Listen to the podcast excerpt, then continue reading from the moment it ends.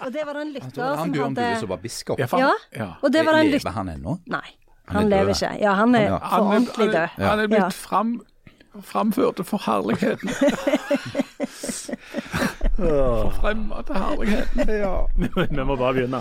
Nå er, det, nå er det de i himmelen som må bale med han. Nå må vi begynne.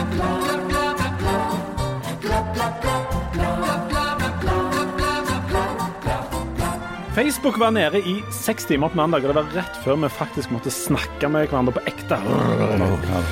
Nå spår altså verdens dårligste spåmann Harald Birkvold at Facebook kommer til å dø ut. Og ikke nok med det, du skal få lære to viktige ting, men litt kjedelige ting i dag. Og Jan skal ha andakt. Hurra!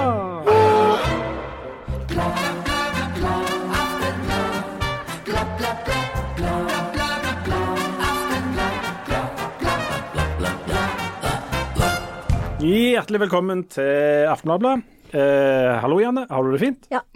Hæ? Det er første gang du har sagt ja. Jeg antar jo at det er det som er det svaret du vil ha. Nei. Jeg vil ikke at du skal pirke meg. Nei, fordi at eh, folk som har det bra har, Jeg har lært at folk som har det bra, er lite spennende. Sånn som meg. Eh, Så det, Jeg har det jo har ikke- lyst til jeg har det jo å pirke litt aldri- i det. Hvordan har du det egentlig, Janne? Jeg har det jo drit. Der kom det. Der kom det. Det tok ca. 20 sekunder å få sannheten ut av henne. Hva er så galt i dag, da? Janne. Nei, jeg er veldig sliten. Jeg syns det er veldig travelt. Og eh, jeg er veldig bekymra for klimaet, siden nå er det jo sånn 15,5 grad, og den høstjakken min er jo altfor varm. Og jeg eh, syns eh, at eh, etter at liksom gjenåpningen har starta, så, så er bare er den ene dårlige nyheten etter den andre. Så, så dette, jeg er veldig sliten. Men hvis du er, du er bekymra for, for at det er for varmt, og for klimaet, hva skal du gjøre i høstferien? Jeg vil ikke snakke mer om det. Nå kan vi gå videre til Harald. OK, Ok, det er greit. Spør hvordan det går med han heller. Hvordan går det med deg, Harald? Nei, det går ikke så bra. Jeg er ikke helt god. Nei. Men Jeg har vært så mye, jeg har spist for mye, og så er jeg litt sånn halvslakke. Å ja, for du har spist på Jeg har vært ute i 150 Sandnes, eller på, på Sandnes, da, og, og spist på den 150 kroners uka. Det har jeg jo gjort. Hva, hva var det du spiste? Jeg har spist eh, Eller rettere sagt, fulgte du en av mine ja, anbefalinger? jeg gjorde det. Eh, De følger jeg alltid. Ja. Eh, så jeg spiste på Hekkan og på det var Leif Tore. Punk. Ja, det var Det var Leif. Tore. Mm. Det var deg. Mm. Hva syns du om punk? Jeg syns det var kjempebra. Det var ganske bra. Mm, det var det. Eh, du- så jeg, veldig, jeg skal gå der mange, mange, mange ganger. Jeg tror det er rett før dere to blir forlovte. Det sier du alltid. Ja, men hør på dere. Bare fordi har det hyggelig med meg. Er Dere høres ut som et gammelt I ektepar. motsetning til deg. Jan er bare sjalu. Men et ungt ektepar som ikke har nådd å bli lei av hverandre og ikke har mer å si til hverandre. Så Jan det er ser jo hver uke på magnetismen som oppstår mellom deg og meg. Og det er klart at da, da blir det, går det litt surt der borte. så tenker han det skulle meg og kona mi hatt. Eller deg og han, gjerne. Dette bekymrer meg en hel. Men hvordan går det med deg, Jan? Du ser jo litt morsk ut. Eller Ja, jeg, er vel, jeg er vel generelt morsk og, og, og, og litt sur. Bare sånn generelt. Men jeg, altså, jeg, jeg, jeg kjenner meg inn altså Det er mye sånn eksistensielt og mye sånn greie nå. Sant, etter, ja, det er mye greier. Og, og, og Janne har jo helt rett i, iallfall i én ting, og det er dette med hvordan i all verden slags jakke en skal ha på seg nå. For det, sant, det er for tynt med Det dongerijakken, som jeg har gått med eh, nå når det var sommer. I den grad jeg hadde jakke. Og så skal en jo da over i dette høstjakkegreiene. Og jeg tror Dette tror jeg er en sånn spesielt vanskelig ting for, med å være mann, for menn har veldig tjukke jakker. Eh, så de går rundt med. Og så svetter vi jo mer enn damer, for vi har mer velutvikla svettekjertler. Blant Og så lukter vi mye verre. Eh, og det er et kjempeproblem nå når det er så mild høst. For det at, eh, kalenderen sier at vi skal liksom ta på oss høstjakken, men temperaturen det er, jo, det er jo crazy. Så jeg er veldig ofte eh, passelig temperert. Nå har jeg begynt å gå bare med T-skjorte, selv om det er midt i, i oktober, og så med høstjakken den åpen, sånn at jeg er passelig temperatur på brystkassen, men på ryggen Klissblaute. Pluss at det, om kvelden så blir det så enormt kaldt igjen. Så hvis du har liksom latt deg lure og, og forføre av sola i løpet av dagen, og så er ute om kvelden, så er det jo et Ja. Men jeg så på Yr i dag, fordi jeg gjør det hver dag. Eh, Og da så jeg at det skulle bli mye kaldere i neste uke. Aha. Da blir det jo bedre. Men hvor er du da? Janne? Jeg vil ikke snakke om det. Nei. det, dette er jo òg eh, samtaler som går livlig på aldersheimer eh, rundt omkring i distriktet. Dette med været Ja. og sånn. Og ikke minst det er et veldig godt poeng det der med at det, der, kan være varmere når det er sol. Og så når sola forsvinner, da blir det mye kaldere. For det er løye med det. Ja, det er løye. Men tror dere det det er en lumske tid på året nå, Ja, rent sånn ja det er og for jeg hørte på radioen i dag at eh, det er rekordsalg av smertestillende fordi alle er syke nå. Og det er jo fordi at alle driver og klemmer hverandre, og denne uka har jeg tatt to folk i hånda, og det var traumatisk. Jeg vil aldri gjøre det igjen. Men jeg følte det var så uhøflig å ikke stikke hånda Jeg prøver hele tiden å innføre den der fistbumpen, Ja, ja. sant? men, Men det er er noen som insisterer. det. De kommer liksom og så kladder på deg med Mm. de der skitne hendene sine hele tiden. Du, da, dette med at folk er, er mye syke nå, det er, det er ikke så mye covid her, men eh, kan det òg ha en sammenheng med dette med jakkene? Jan? Fordi at det, det, det som der er ute nå, det er det mor mi ville kalt lurevær. Ja, det er det jeg prøvde å si. Ja. Det er et lurent vær. Ja. Det ser ut som det er et vær, og så er det et annet. Ja, Mm. det er helt riktig. Og jeg kan ikke forstå at det kan være spesielt sunt å være eh, passelig eller, eller til og med kjølig temperert fram på brystkassen, og så varme på ryggen. For en eller annen plass midt i midten der, en eller annen plass midt i midten der, så er det sikkert helt passelig, men det er jo det er for kaldt i front og for varmt bak. Som du sa. Nei, det, nei, nei, nei, dette er et familieprogram. Nå må dere slutte. Og det, og, det, og det, jeg tror det blir masse sånn rot inni kroppen på folk og sånt. Uten å gå altså, hva, hva for et område på, Nå er jeg inne på et fint spor her. Hva for et område på kroppen vil du si oftest er passelig temperert? Er det et På, spørsmål? på min kropp, da. Ja. Altså, eh, Lårene mine pleier å være det Der pleier å være Nei, forresten, jeg har en sånn der lang, eh, sånn tjukk vinterjakke. Da blir det et problem. Men rundt, rundt knærne, men der føler jeg ikke det er så mye nerve. Nei, det er ikke det. Det er ikke det. Det er lurevær, og det, det er sånn en skal Ja, Var det et riktig svar på det spørsmålet? Nei, det var et åpent spørsmål.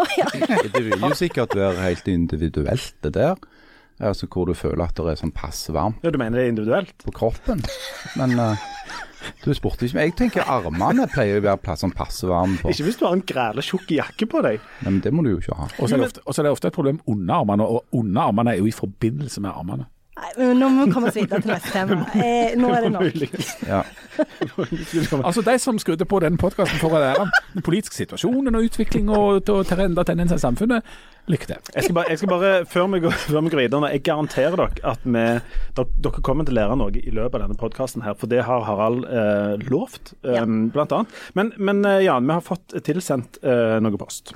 Ja, og vi må jo porsjonere dette ut litt. Grann. Eh, Det som vi har fått, er, eh, som jeg kan lese nå, det er et voldsomt flott postkort med to er det, hva er det heter? Lundefugl. Lundefugler eh, på uh, framsida. Og det, det er en bekymringsmelding som henger litt sammen med at eh, vi i Stavanger Aftenblad har fått annonsert at vi skal få ny redaktør. Ja. Kjersti Ja, det skal. Ja.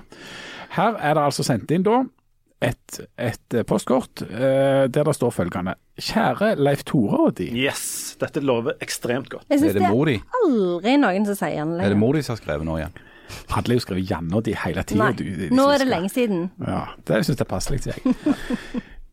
digger, digger Aftenbladet, men nå er jeg ikke glad, glad, Oi. står det her.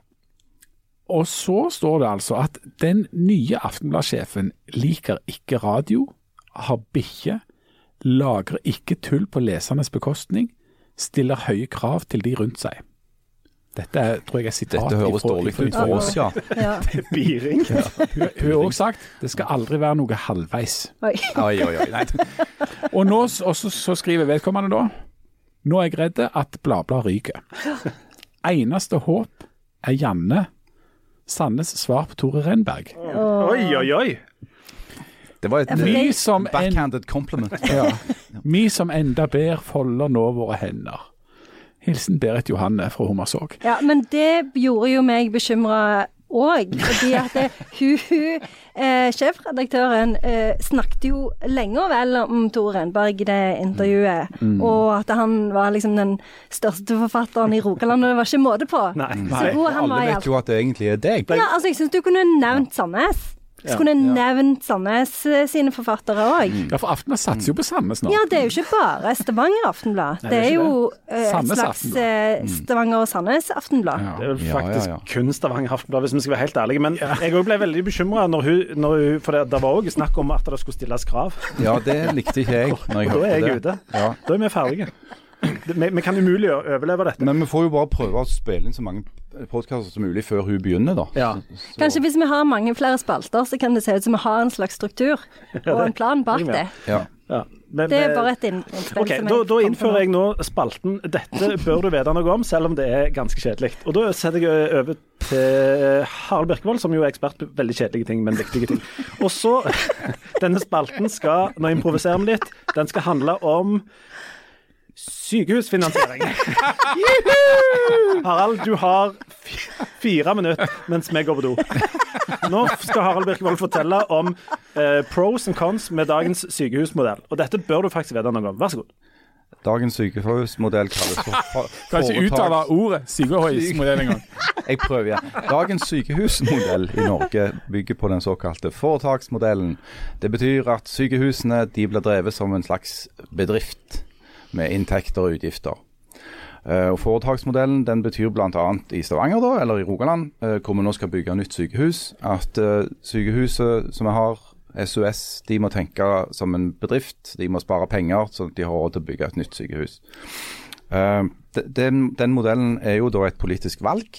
Det, det er sånn vi ønsker at vi skal ha sykehusdrift. og Begrunnelsen for den har jo vært at det skal være en sånn rasjonell måte å, å drive på. Det skal koste minst mulig. Du får mest mulig helse for pengene osv. Det er vel du uenig i? Helt uenig, selvfølgelig. Jeg mener jo at vi skal ha minst mulig helse for pengene. Dyrt For og dårlig. Ja, dyrt skal dyrt og dårlig. Og hvis du vil ha det dyrt og dårlig, da må du gå vekk fra foretaksmodellen og over til å finansiere sykehusene via statsbudsjettet. Men, her, her på distri, I distrikt skal det da bygges et nytt sykehus. og Det viser seg at å bygge et stort sykehus koster ganske mye penger. Og Ja, det Så det. må dette sykehuset delvis betale for dette sjøl. Ja. Og de pengene mangler de. så de altså Sykehus må altså spare masse penger for å kunne bygge nytt Ja, sykehus. det er sånn at Staten bidrar med noe, og så skal sykehuset selv bidra med, med resten. da. Som de låner av staten. Ja, altså, det er jo det er jo Du må jo være eh, høyere embetsmann eller, eller eh, sjaman eller noe sånt for å forstå den der eh, finansieringsmodellen som de da har har valgt, som kalles foretaksmodellen. Eh, men tilhengerne av denne modellen mener jo, går jeg ut fra i fullt alvor, at dette er den beste måten å gjøre det på. For det sørger for at du får brukt ressursene på en best mulig måte. Det er jo jækla dyrt. altså Helsebudsjettet er jo en svær del av, av statsbudsjettet. Det koster jo flesk å ha et såpass eh, godt helsevesen som vi har her i landet. Mens da kritikerne mener at eh, foretaksmodellen har ført til en del uheldige virkninger, bl.a. den da at eh, de må tenke veldig sånn bedriftsøkonomisk, eh, og at det vil da gå utover tilbudet. Eh, en annen effekt av modellen er jo at du har fått et sånt sjikt av direktører som har uh, græla høye lønninger. Eh, De er, det, de er det mange av òg. Ja, de er tallrike som stjernene på himmelen. Eh, sånn at det kan du si Hvordan passer det med det argumentet om at du skal bruke pengene mest mulig fornuftig? Skal du bruke det på et svært eh, korps av direktører, eller skal du bruke det på helsetjenester? Men til den konkrete situasjonen vi har nå. Sykehuset her må altså spare inn Jeg husker ikke hvor mange millioner det var, husker du? Noen hundre? Noen hundre. For å få bygge et nytt sykehus. Hvordan i all verden skal eh, et sykehus spare de pengene? Så da må de, skal de behandle folk mer eller mindre, da? Eller hvordan Ja, skal vi gripe det an? Altså, de kan jo, Sånn som modellen funker i dag, så er det jo at du, sykehusene er jo et, på en måte eh, altså, De får på en måte betalt for etter hvor mange pasienter de behandler. Så, så En måte du kan tenke deg å gjøre det på, er jo at du får kjørt flere pasienter gjennom systemet. Men samtidig så har jo det òg en kostnad, for det at du skal jo da ha flere leger og flere sykepleiere. Så det er jo en sånn der eh, avveiing. de Men de, men de pengene blir jo ikke betalt av eh, pasientene, for vi betaler jo ikke for dette selv, så de pengene kommer jo da fra staten. Så Vi betaler jo absolutt for det sjøl gjennom skatteseddelen. Ja, det gjør vi absolutt, og det er jo kjempebra. Skal jeg, kan jeg holde, snakke litt om, eh, om sosialøkonomi? Ja, det, det, dette, husk, så lenge det er kjedelig. Husk at vi er Ja, ja, en det, kjedelig det skal garantert bli kjedelig. Nei, men, nei, forresten, først ta en, en omvei om For dette kritikeren altså, Dette er en modell som ble innført altså av Arbeiderpartiet, av Jens Stoltenberg. For Det høres litt sånn høyrepolitikkaktig ut. Ja, det gjør det sikkert. Fordi at, eh, sånn, at, sånn at Arbeiderpartiet, som nå er på vei inn i regjering, de er for dette. De har innført det. sant? Senterpartiet da? Ja. Senterpartiet er jo mot det. sånn at Nå sitter de i sånn Hurdal-slagsmål Vedum og Grå Støre der og holder på. så Nå skal de komme fram til noe. Og så er det jo er det jo dette med at det koster grassat mye. Dette er sånn at De som er kritiske til den modellen, det er de som har ubegrenset med penger. Nemlig et par ganske marginale partier langt ut på venstresida, som har ubegrenset med offentlige midler. Samtidig som de skal legge ned alle inntektene som Norge lever av, altså olja. Men OK, det er greit nok. Men nå kan vi ta et kort foredrag om sosialøkonomi Ja. Som jeg hadde i sånn noen få timer når jeg gikk på videregående. du har ikke hovedfag i dette? Nei, jeg har ikke hovedfag i det. Men noe av det jeg husker, noe av det, noe av det jeg husker ifra, og det er lite jeg husker fra sosialøkonomien, der, men det var den gangen vi hadde om dette med grensenytte. Det var et uh, utrolig morsomt begrep. Grensenytte ble forklart til oss som var at hvis du er sulten, og så eter du ei skive, så er grensenytten, altså nytten av den skjeva du eter, den er kjempestor. for blir, det, blir, det, det føles veldig godt. Den neste skjeva er det ganske høy grensenytte i, for dette, det er føles veldig bra. Men hvis du eter en hel drøss med skiver, så kommer du til skjeva nummer ti så er det ikke så veldig stor nytte i den, for da er du mett for lenge siden. Sånn at det har ikke noen spesiell effekt. Altså, den, den relative nytten av den siste skjeva er veldig liten. Dette, Dette kan vi relatere til som har vært på Sandnes og spist. Ja, det kan dere relatere til som har vært der. Og det vi på, på, på Bryne videregående jo selvsagt relaterte dette til, det var da øl. sant? At eh, det var voldsomt høy grensenytte på den første, andre, tredje og fjerde øla. Men at på et visst tidspunkt etter mange, etter ti øl, om det kunne være altså minus i grensenytte, altså kunne det være negativt. Men, men sånn er det. altså, finans, Jeg er ikke noen ekspert på foretaksmodellen og skal ikke uttale meg i detalj om den, men noe av det som er dilemmaet med finansiering av helsesektoren, det er at behovet tilsynelatende er helt et, altså, Umettelig. umettelig. Det er ingen grense for hvor mange milliarder du kan bruke som nasjon på helsesektoren. Og så spørs det, på hvilket tidspunkt er det rasjonelt å bruke enda flere milliarder? Altså Hvor, hvor høy grensenytte er det i den siste milliarden? Og, og eh, Kan det noensinne bli nok? For det kan du i prinsippet aldri. Men du kan ikke bruke ubegrensa med penger. Så på et visst tidspunkt så må du se på hvor, hvor på en måte grensenytten ligger i Går det an å gjøre noe annet i organiseringa eller i finansieringa eller i tenkinga rundt det? Eller skal du bare fortsette å pøse på milliarder? Da vil jo sikkert noen parti si bare pøs på.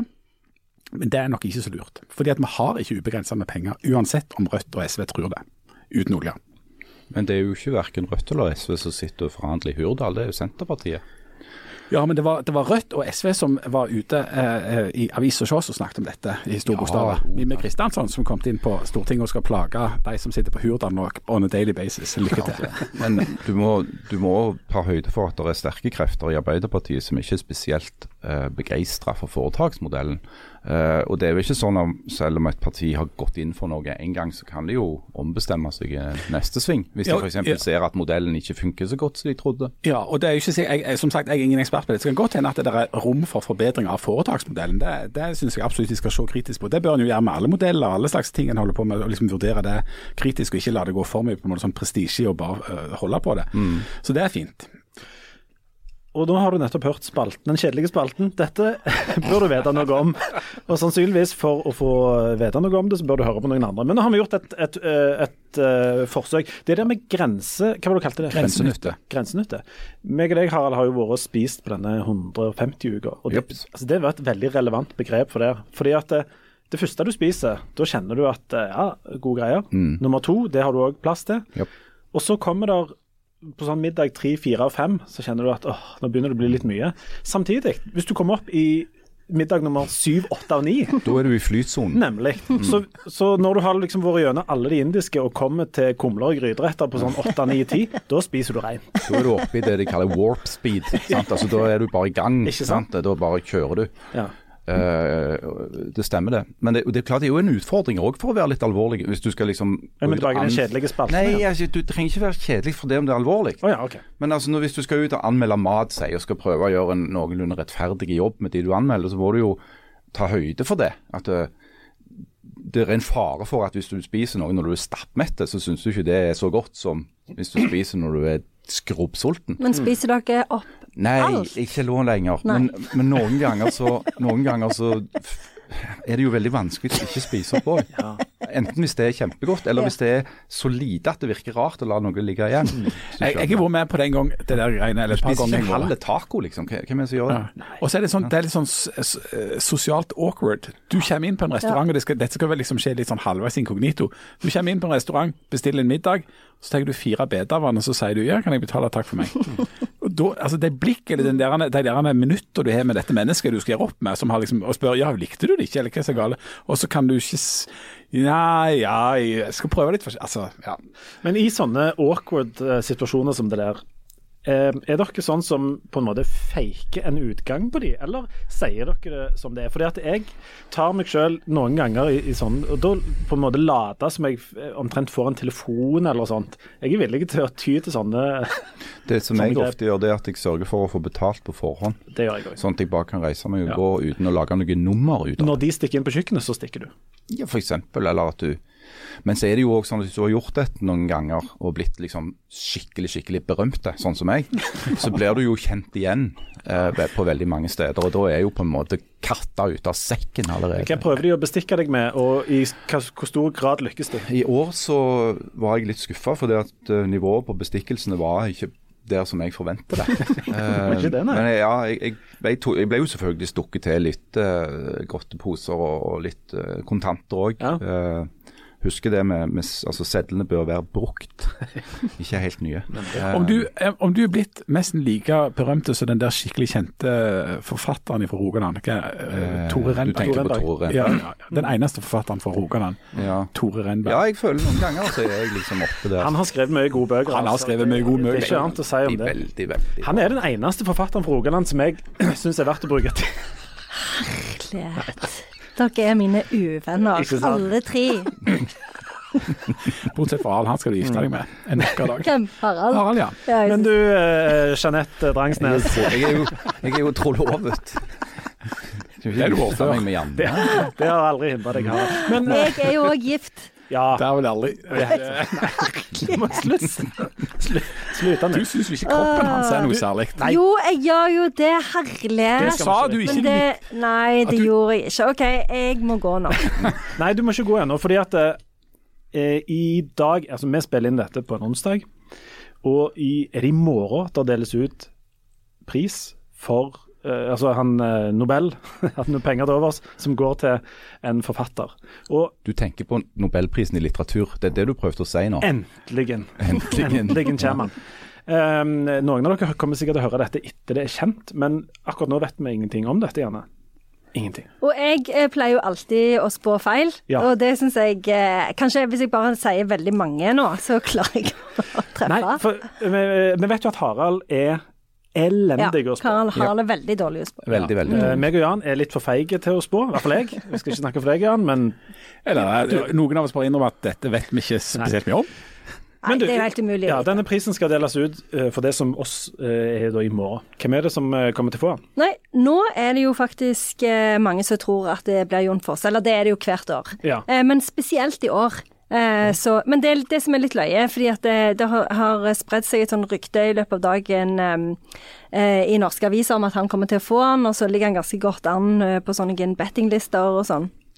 Men hvis du ser i, i andre land sine aviser, så tror ikke de at han kommer til å få han. Nå er, jeg, nå er inne på noe på den største avisa i Uganda her. Det er Ja. ingenting for Jon Fosse-stoff. Men, men, jeg, men jeg har lest Jon Fosse mange plasser. Han har jo vært spådd å få han i mange år. og Det som er spesielt med Jon Fosse, er jo at han har fornya Altså, han har fornya mange sjangere.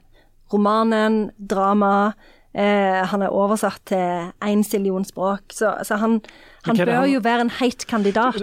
For oss som selvfølgelig har lest alt eh, Jon Fosse har, eh, har både skrevet og sagt opp igjennom, men kan ikke du gi et uh, kort resumé av Fortelle litt hvem han er allikevel? Fordi at jeg tror ikke Harald har lest alt, f.eks. Jon Fosse han er jo eh, i eh, Han har jo fornya drama ved å lage en veldig sånn kortfatta type språk. Altså han bruker Han har veldig få karakterer. Karakterene har veldig sjelden navn. Eh, dialogen er veldig knapp. Tempoet er veldig langsomt. Eh, og pausene er like viktige som det som blir sagt.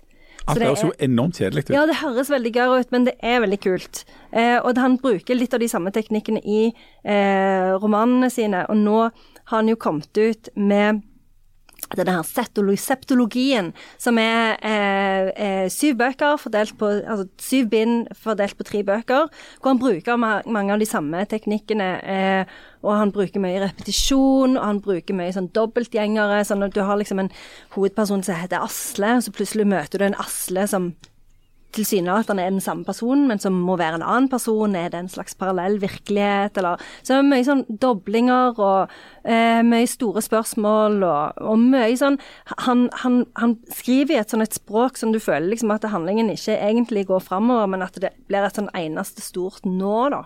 Er han en sånn en, sånn en fyr for bare for intellektu...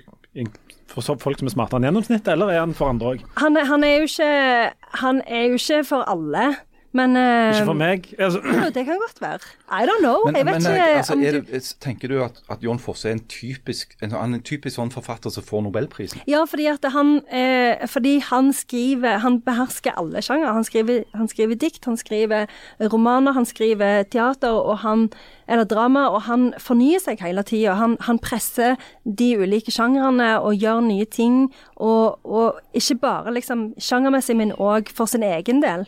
Eh, så jeg tenker at han er en typisk eh, forfatter som kan få en Men så er han jo en 60 år gammel hvit mann, så det kan jo tale imot han. Eh, så jeg tenker at eh, jeg, jeg husker når vi snakket om dette i fjor, så sa jeg at han Gugi var Tiongo, som er fra Kenya, han. ja, at han eh, kanskje burde få han. Eh, så, eh, så det, han er jo òg på veldig mange lister. Så er det jo òg eh, Chimamanda Adichie fra N- Nigeria. Ja, han har jeg tenkt mye på. Ja. Hun, altså, altså Chimimanga og både han jeg har lest alt hun har skrevet. Ja. Hun har jo skrevet eh, romaner, eh, men hun har kanskje skrevet litt få. Hun har jo ikke så stor litterær Og så er hun kanskje litt ung. bak seg. Og så er hun litt ung, ja. Så det er vel litt mer Og så bor hun litt usentralt. Ja, hun Bor bor jo i London, da. USA, da. Ja. Ja, hun bor i. London, da. Ja. I hvert fall, så, men i hvert fall så Jeg tror kanskje du bare skal ta en pause. Eh, for det er, ja, for Frankrike tror jo Annie Arnault får han, og så Han tror kanskje jeg Japan at Murakami får han, så det, alle tror jo at det er Alle noen tror jo fra alltid deres at land. Få Ja. Et siste spørsmål før dere går ut og snakker mer om Karamani.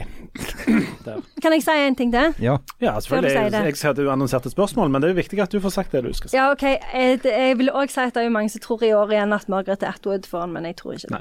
Nei. Siste spørsmål om dette. Um, handler dette kun om litteratur, eller handler det egentlig mest om politikk, og så handler det litt om litteratur? Det handler mest om politikk, og så litt om litteratur. Og Det som er helt sikkert, eh, er jo at uh, hvis den nå går til en Jon Fosse-aktig karakter, altså en hvit mann fra uh, Nord-Europa, uh, så kommer jo den diskusjonen igjen. Sant? Altså, der er hvor mange er det nå? som- Hvis du tar Skandinavia under ett, så er det sånn 16 stykker eller sånn som har fått Nobelprisen. Afrika tre. Det er nettopp det. Ja. Men det er, er ingen fra Strandebarm som har fått den. Nei, Aldri det er det vært ikke. noen fra Strandebarm, nei. I hvert fall ikke sentralt så- der. Nei. Nei, nede i selve downtown Ja, i selve Sandberg, Ja, ja. så, så har de Nei, ikke fra sentrum. så, det, da, det, så sånn sett så er det jo Fosse sin tur, da. Ja. Jeg vil si det er Fosse sin tur. Ja. Du, Vi må ta en uh, kjapp liten Jeg syns det er veldig gøy hvis det er Jon Fosse. Ja, okay. Du heier på han, jeg, du. jeg hadde f.eks. gleda meg veldig til den talen som Mm. han eventuelt- eventuelt skal holde. Du har hatt eh, den talen. Nå skal vi meg og Jan skal dramatisere Jon Fosse sin uh, tale nå. Jeg er her. Ennå. Er du der? Hvem?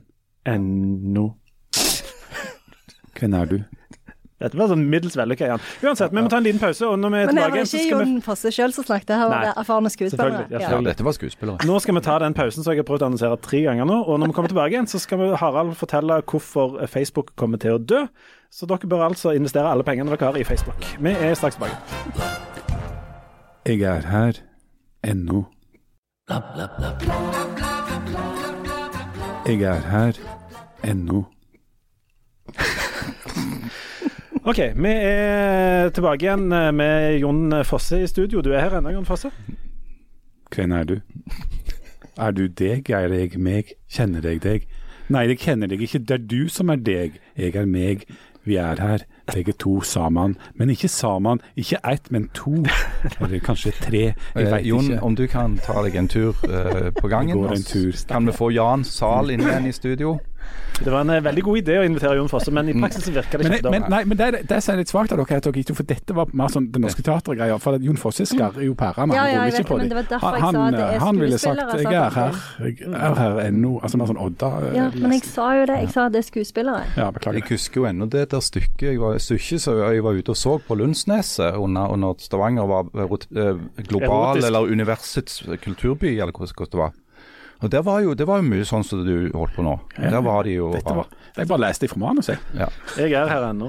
Ja. Du, um, i, på, på mandag så opplevde vi Ja. skrekken i, i livet, nemlig at uh, En enorme tomhet. En enorme tomhet. Altså, det var et par milliarder faktisk i, i verden som mista tilgangen til Facebook, og da mista de òg tilgangen til Messenger og WhatsApp og, Insta. Insta. Ja. Fryktelige greier. Dette varte og, og, og rakk. Seks timer Største, blackout. største blackouten vel Facebook har hatt, Um, og sånn. Um, og ja, altså basert på bare annonseinntektene så tapte altså Facebook ca. 200 000 dollar i minutt. Ja. Det gikk for seg. Og aksjekursen tok jo en liten uh, smell òg, så det, det røyk en 50 milliarder der. Ja. Ja. Dette er jo en, en ting som har mange sider med seg. Den ene er vår praktiske bruk av dette, og hvor, tomt, hvor tomme vi føler oss inni oss når, eh, når sånne ting er nede. Mm. Og så forteller det òg en del om eh, en sånn enorme eh, globale aktør som har et slags monopol på, på ting. Eh, Skal vi begynne med, den, med de praktiske tingene? Janne, gikk du inn i en sorg- og depresjonsperiode på mandag pga. dette? Nei, fordi at jeg kjørte fram og tilbake til Lyngdal Oi. eh, den ettermiddagen. Det tar jo akkurat seks timer. Det. Det er akkurat det det gjør. Så jeg, jeg kjørte til Lyngdal, og så var jeg på et litterært arrangement der. Eh, og så kjørte jeg hjem igjen. Og det tok sånn ca. seks timer Sånn til at du, du merka ikke noe til hele blackouten. Men du fikk jo ikke gått på Inst fra Lyngdal og vist her er jeg i Lyngdal, de Nei, tingene men det gjorde jeg etterpå. Det som, jeg, det som jeg ikke tenkte på når dette skjedde, det var jo at um, sånn som f.eks. Oslo kommune bruker sånn Facebook-system for sånn interndialog i kommunen. Altså Det er masse, det, det er ikke bare at vi skal vise hva vi har hatt til middag og at vi er på Sandnes Er det nå jeg skal sånn. si en kjedelig ting igjen? Ja, jeg hadde tenkt at vi skulle ha en spalte nå med at du forteller kjedelige ting. Um, så du har fire minutter fra nå. Ja, greit. Fordi at når Facebook ble grunnlagt i 2004, så var det bare en liten eh, en, en slags lek for noen folk som hadde gått på universitetet sammen. Og i de da 17 årene som har gått, så har, har det gått fra å være en liten tulleting for noen folk på et universitet til å bli for mange folk i hele verden eh, egentlig internett. Altså Internett og Facebook er på mange måter det samme. Det er en haug med forretninger som businesser som bruker Facebook som en plattform. Og i noen særlig utviklingsland eller i den såkalte tredje verden, så er Facebook det stedet hvor veldig mye skjer av kommunikasjon. Så for de så har dette vært, altså en seks timers blackout vært ganske eh, en grunn til mye sånn ransakelse, fordi at det har blitt så avhengig av dette ene selskapet. Eh, Facebook er jo nå ute på, i 111 land på, på forskjellige språk. Eh, det er 2,8 milliarder folk som er registrerte brukere av Facebook. I tillegg så kommer de 1,3 milliardene som er på Instagram. Og da så har du WhatsApp og Messenger i tillegg. Sånn at selskapet er jo nå så enormt at eh, Facebook sine problemer er på en måte verdens sine problemer. Og det er vel det som er en av grunnene til at at det har blitt en del sånne spørsmål som er stilt. Altså, hvor, altså Er dette selskapet så stort nå at det er blitt et problem? Eh, og nå kommer jo da, på toppen av denne her blackouten, som jo var en sånn one-off, det var en eller annen fyr i IT-avdelingen som hadde trykt på feil knapp eller noe. Det som er verre for Facebook, er at det har hatt en enorm lekkasje av eh, interne dokumenter. En såkalt varsler som har kommet ut og fortalt om all slags fælt som foregår i Facebook. Eh, og det kan være kilde til en del bekymring. Eh, annet så sier denne varsleren at eh, Facebook har vært helt klar over lenge at Instagram bidrar til dårligere selvbilde hos unge jenter.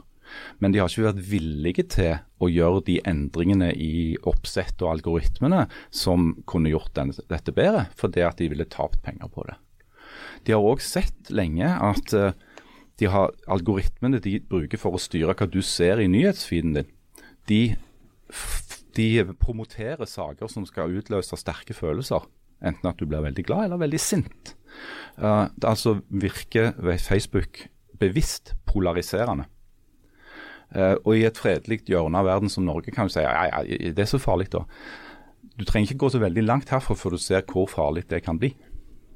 Så det vil nok komme mer politisk kritikk mot Facebook, fordi at de er et kommersielt selskap som samtidig forvalter fryktelig mye ansvar, sånn samfunnsansvar. Fordi at de alle så jo det i forbindelse med debatten om fake news, og hvordan Facebook ble brukt i forbindelse med spredning av propaganda og feilinformasjon under presidentvalget i USA eller under koronapandemien eller hva det nå er. Og Hvis du da opplever at selskapet sitter og ser på dette, de er klar over disse tingene, men ikke ønsker å gjøre noe med dem fordi de ikke har lyst til å tape penger, så er det ganske stygt bilde som tegner seg. Ja, og så er det jo òg ganske skummelt hvis det er sånn, ikke bare det at de, at de ser at det skjer, men de ikke ønsker å gjøre noe med det, men gjerne at de aktivt søker å få disse virkningene. Og jeg syns det var skummelt å høre på. Denne uka så har det jo vært, eh, kommet ut en sånn en undersøkelse om depresjon blant unge. og de tallene er jo kjempeskumle. Eh, og jeg hørte jo et, eh, en sånn nyhetssak med hun her varsleren, hvor hun snakka om f.eks. på Instagram, da.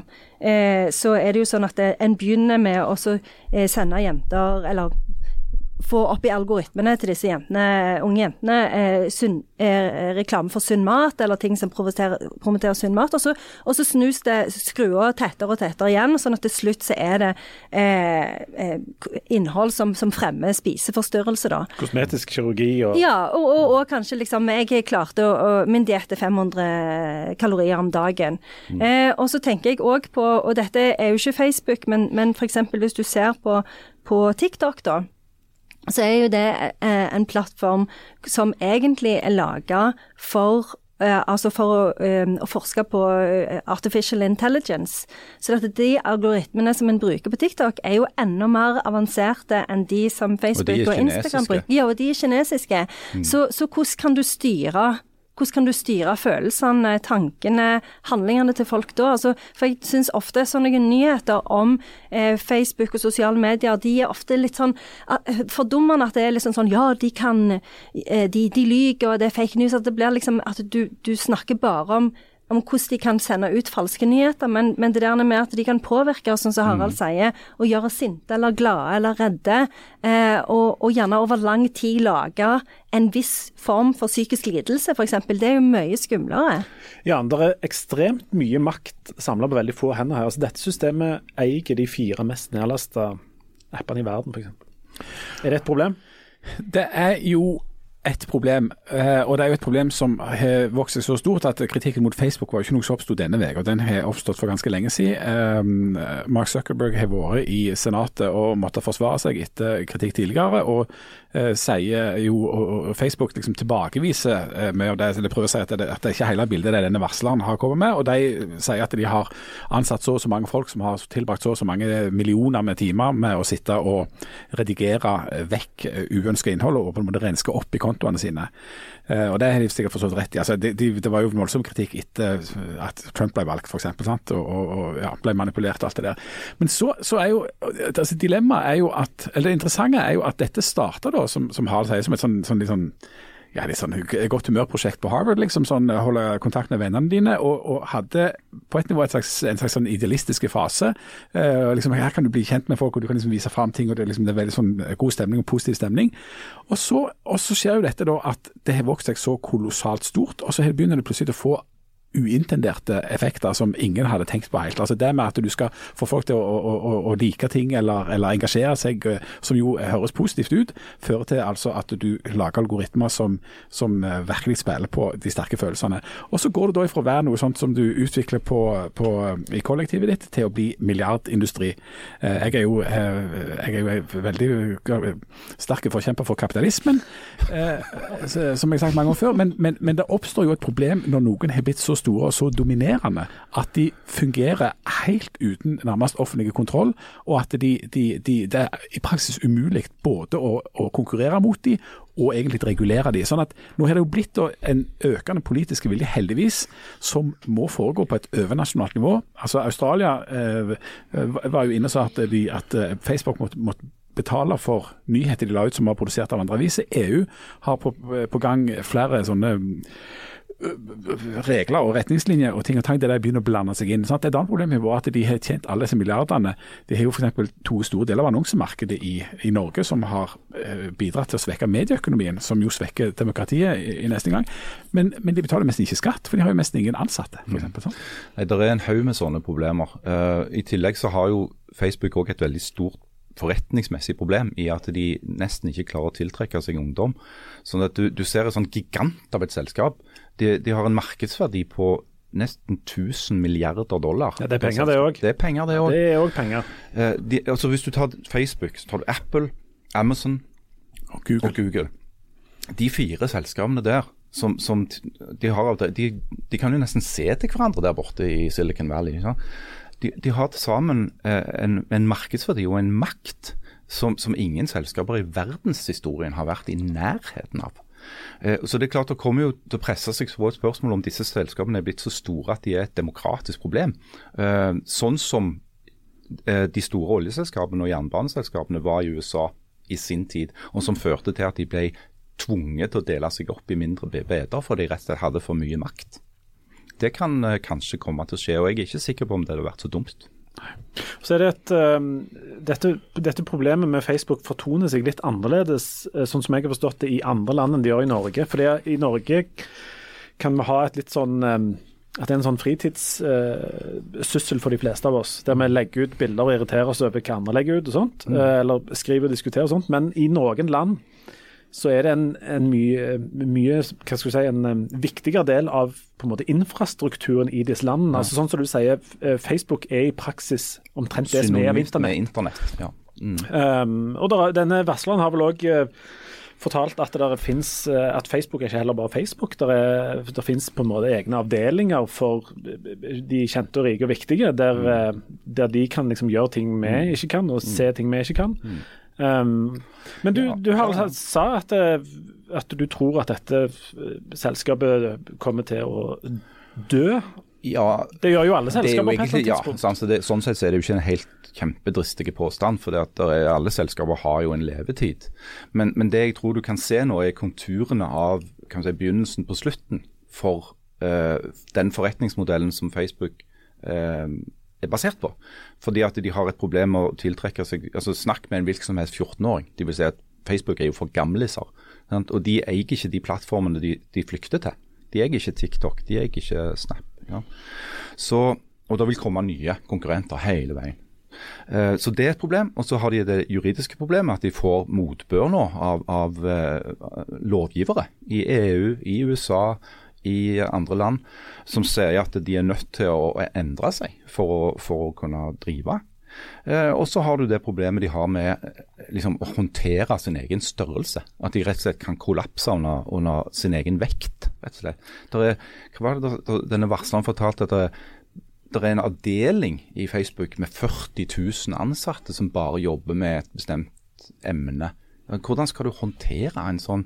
Det, det, er- altså, det er én mann, Mark Zuckerberg, som skal sitte liksom på toppen av dette her greiene. Hvor lenge kan det gå? Hvis dette her er djevelens verk, eh, hvorfor holder vi da på med det?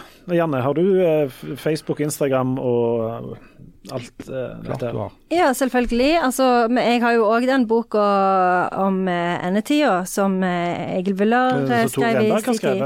Nei, ikke Nei. Så jeg vet jo hva som kommer til å skje. Du vet hva som kommer til å skje. ja, Er det Bibelens bok? Hæ? Er det Bibelens bok? Ja, det er Bibelens bok, og alle kommer jo nærmest. Til å bli forført av dyret og ha dyrets merke og sånn, så dette, dette, dette skjer jo. Men er du um, Hvor ofte er du Eller er du noen gang i nærheten av å bare slette alt dette? Ja. Fordi jeg tenker at det er At det på ekte ikke er bra? Ja, jeg tror, jeg tror kanskje at det ikke er bra. Men eh, jeg, nå har jeg deaktivert Facebook for sikkert tiende gang. Eh, men, eh, men jeg, jeg klarer jo aldri å finne ut Det hvor var tid de derfor jeg ikke klarte Ja. å tagge deg i Ja. dag. Der ser du. Mm. Så, og så er det jo så stress, for jeg vil jo være på Messenger. For at da har, der har jo vi Men du er jo sosiale chattegruppe. medier-ansvarlig i denne podkasten. Hvordan kan du gjøre det når, du ikke har Facebook? -konto? Nei, jeg har jo Instagram. Ok. Men eh, du Harald, du har jo òg kontoer på det her og der. og rundt og pisten, ja. Kunne du ikke like godt klart deg uten? Jo, jeg kunne nok sannsynligvis det. Uh, og jeg har tenkt på det mange ganger. Jeg bruker unødvendig mye tid på de greiene der. Uh, men samtidig så er det jo en viktig kanal for f.eks. å spre uh, nyheter, altså dele, få oppmerksomhet, få trafikk på de sakene vi skriver. Vi har jo tross alt en slags ambisjon om at noen skal lese de eller høre på de. Så, så det, det er jo et konstant dilemma, eh, syns jeg, det der. Um, men jeg har, jeg har lekt med tanken jeg på at jeg, jeg husker jeg ropte i stolen når, når jeg tror det var New York Times for en tid tilbake. så hadde en sånn, De hadde rett og slett ringt rundt til toppsjefene i alle disse her teknologiselskapene og spurt hva de, hvordan de gjorde. Sant? Det var jo ingen av de som lot sine egne unger være på sosiale medier. For de vet jo, Det er akkurat som å jobbe på pølsefabrikken. Du, vet- du vet hvordan de har blitt lagd. Du vil jo aldri Så, så de, eh, og, når, når liksom, Det gjorde det inntrykk på meg. At ingen av toppsjefene i Google lot ungene sine ha internett. Ja, det, ja, det er litt sånn at slakteren er vegetarianer, og så lurer Ja. en på hvorfor det. Ja? Så just saying. Men, ja. men det er jo eh, Det er jo òg, sånn som vi har snakket om, så er det jo en stor forskjell i aldersgrupperingene her. For det er én ting med oss som har vokst opp med lekestue og bare snop på lørdager, eh, og den generasjonen som har vokst opp i en verden hvor de har hatt skjerm fra de var født. Eh, og det er jo mange psykologer som mener at eh, hele identitetsforståelsen til de er annerledes enn vår. Fordi at vi har jo, jeg tenker jo på identitet som noe du former inni deg, og så viser du den fram, eh, kanskje. Fordi at du har fått sosiale medier. Mens for mange unge i dag så er det psykologer som mener at deres identitetsforståelse ligger utpå. Men de er jo mye smartere enn oss. Ja, de er mye Altså, de- smartere, de- men Ungene, ungene mine har jo mye mer nettvett enn en min generasjon. Ja, ja, absolutt. Men, jeg, men, men, men det er jo liksom Det er jo, det er jo litt Viser litt sånn kompleksiteten i det. Fordi at det, alle har et ulikt forhold til sosiale medier. Og Jeg, jeg syns ikke det er så smart ut å, å danne identiteten sin på sosiale medier. Nei, nei, altså det er jo nettopp det, så- Å, å henge opp identiteten sin rundt hvor mye likes du får, hvordan du ser ut, eller sånn. Nei, men det er jo nettopp det jeg inntrykk er at mener. De har begynt å slutte med det. Altså de, de, mange ungdommer nå er jo, tar jo ned. En svær trend nå er jo å gå inn og slette bilder som foreldrene dine har lagt ut på Inst, f.eks.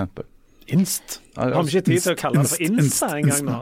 Inst, inst. Nei, før heter det Insta, nå heter det bare Inst. Men det er jo eh, det er jo én ting å være liksom eh, smart eh, og gjøre kloke ting, men, men og, og vi syns jo alle vi er lure og har liksom Snakk for deg sjøl. Ja, ja, men i hvert fall så, så er det jo sånn at det er en forskjell på å være lur og gjøre smarte ting, og det som du på en måte får, eh, får inn i deg. Og, og det er jo en del av de der, sånn, det der med identitetsforståelse, det er jo noe som vi ikke vet, men som det spekuleres i, og som i så fall kan bli et kjempestort problem. Du, og, og, som Harald sier, det er, der er mange yngre nå som eh, sletter masse bilder på, på Instagram og Facebook. Sånt, både ting som de har lagt ut sjøl, og som foreldrene har lagt ut. Det der, en, en ting er jo at vi voksne kan bestemme over oss sjøl hva vi vil gjøre på disse plassene. Uh, meg og kona vi bestemte oss veldig tidlig for at vi ikke skulle legge ut bilder av ungene våre på disse plassene. Fordi at uh, Eneste gang vi har tenkt lenger fram enn tre kvarter. Men fordi at rett og slett de skulle få lov å bestemme sjøl altså hva, hva internett skulle være fullt av. eh, som- av de, da. Um, eh, bør vi være ekstra varsomme med ungene i dette her store kapitalistiske systemet som du elsker så høyt, Jan? Absolutt. Og Derfor så ikke vi, vi har heller ikke lagt ut bilder av ungene våre. Ungene våre er heller ikke gjenkjennelige en eneste plass. Jeg har spurt meg hvor mye jeg merket av at Facebook var nede. Hvor mye merket du av at Facebook var nede? Absolutt ingenting. Jeg bruker omtrent ikke sosiale medier i det hele tatt. Det, jeg jeg, jeg syns det er stort sett ganske kjedelig. Men du er der. Jeg er der, uh, men se se hvor mye jeg legger ut. Det er fint lite, altså.